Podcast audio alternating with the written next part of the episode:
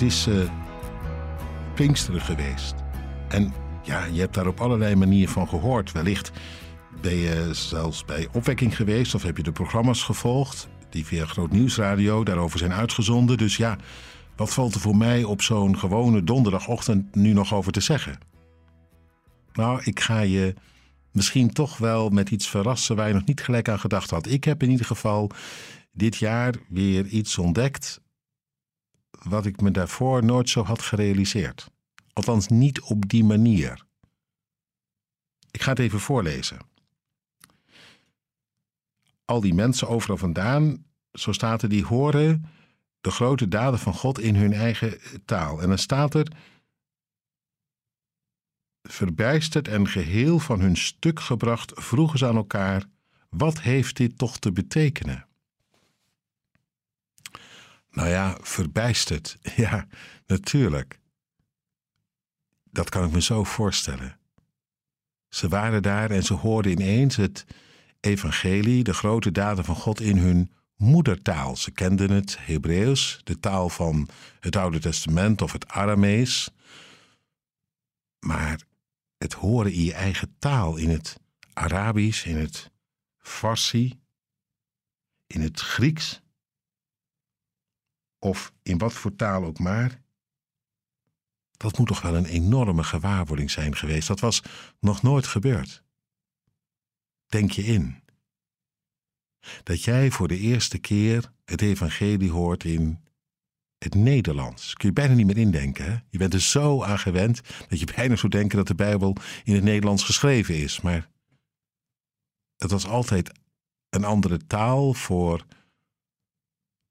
ja, voor mensen om je heen. Abacadabra, dat Hebreeuws, dat Aramees. En het was dat jij het had geleerd en daarom verstond je het. Maar dan ineens in die gewone taal. Dat bijzondere van God in jouw taal. Wat betekent dat? Nou, het laat zich eigenlijk raden.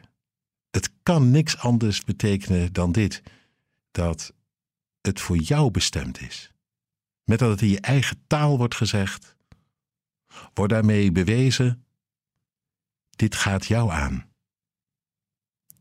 En toen ik dat bedacht en dat weer tot mij doordrong, toen dacht ik: ongelooflijk. Het feit dat je de Bijbel hebt in je eigen taal is het zichtbare teken en krachtige bewijs dat alles wat God op zijn hart had en op zijn hart heeft, jou aangaat. Het geldt je, zo waar het in jouw taal wordt aangereikt. Dat is wel om stil van te worden, vind je niet? Dat is de vrucht van Pinksteren. Tuurlijk, er moeten nu vertaalteams worden opgesteld, dus het gaat niet meer als toen, als vanzelf. Maar ik weet wel uit de zending dat als mensen voor het eerst het evangelie horen in de taal waarin ze geboren zijn, dat ze helemaal uitzinnig worden van vreugde, niet weten wat ze horen en wat ze meemaken. Van hun stuk gebracht, zoals hier staat. Beginnen te zingen, te juichen. De woorden van God in onze taal. Het betekent nog meer dan daarvoor, het gaat ons aan. Het is echt voor ons bestemd, voor ons bedoeld, voor ons en onze kinderen. Zo waar we het in onze eigen taal tot onze beschikking hebben. Zou je zo eens naar de Bijbel kunnen kijken vandaag?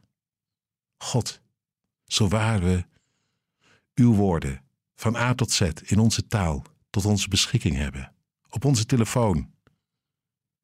Zo waar geldt alles wat u belooft, bedoelt voor mij.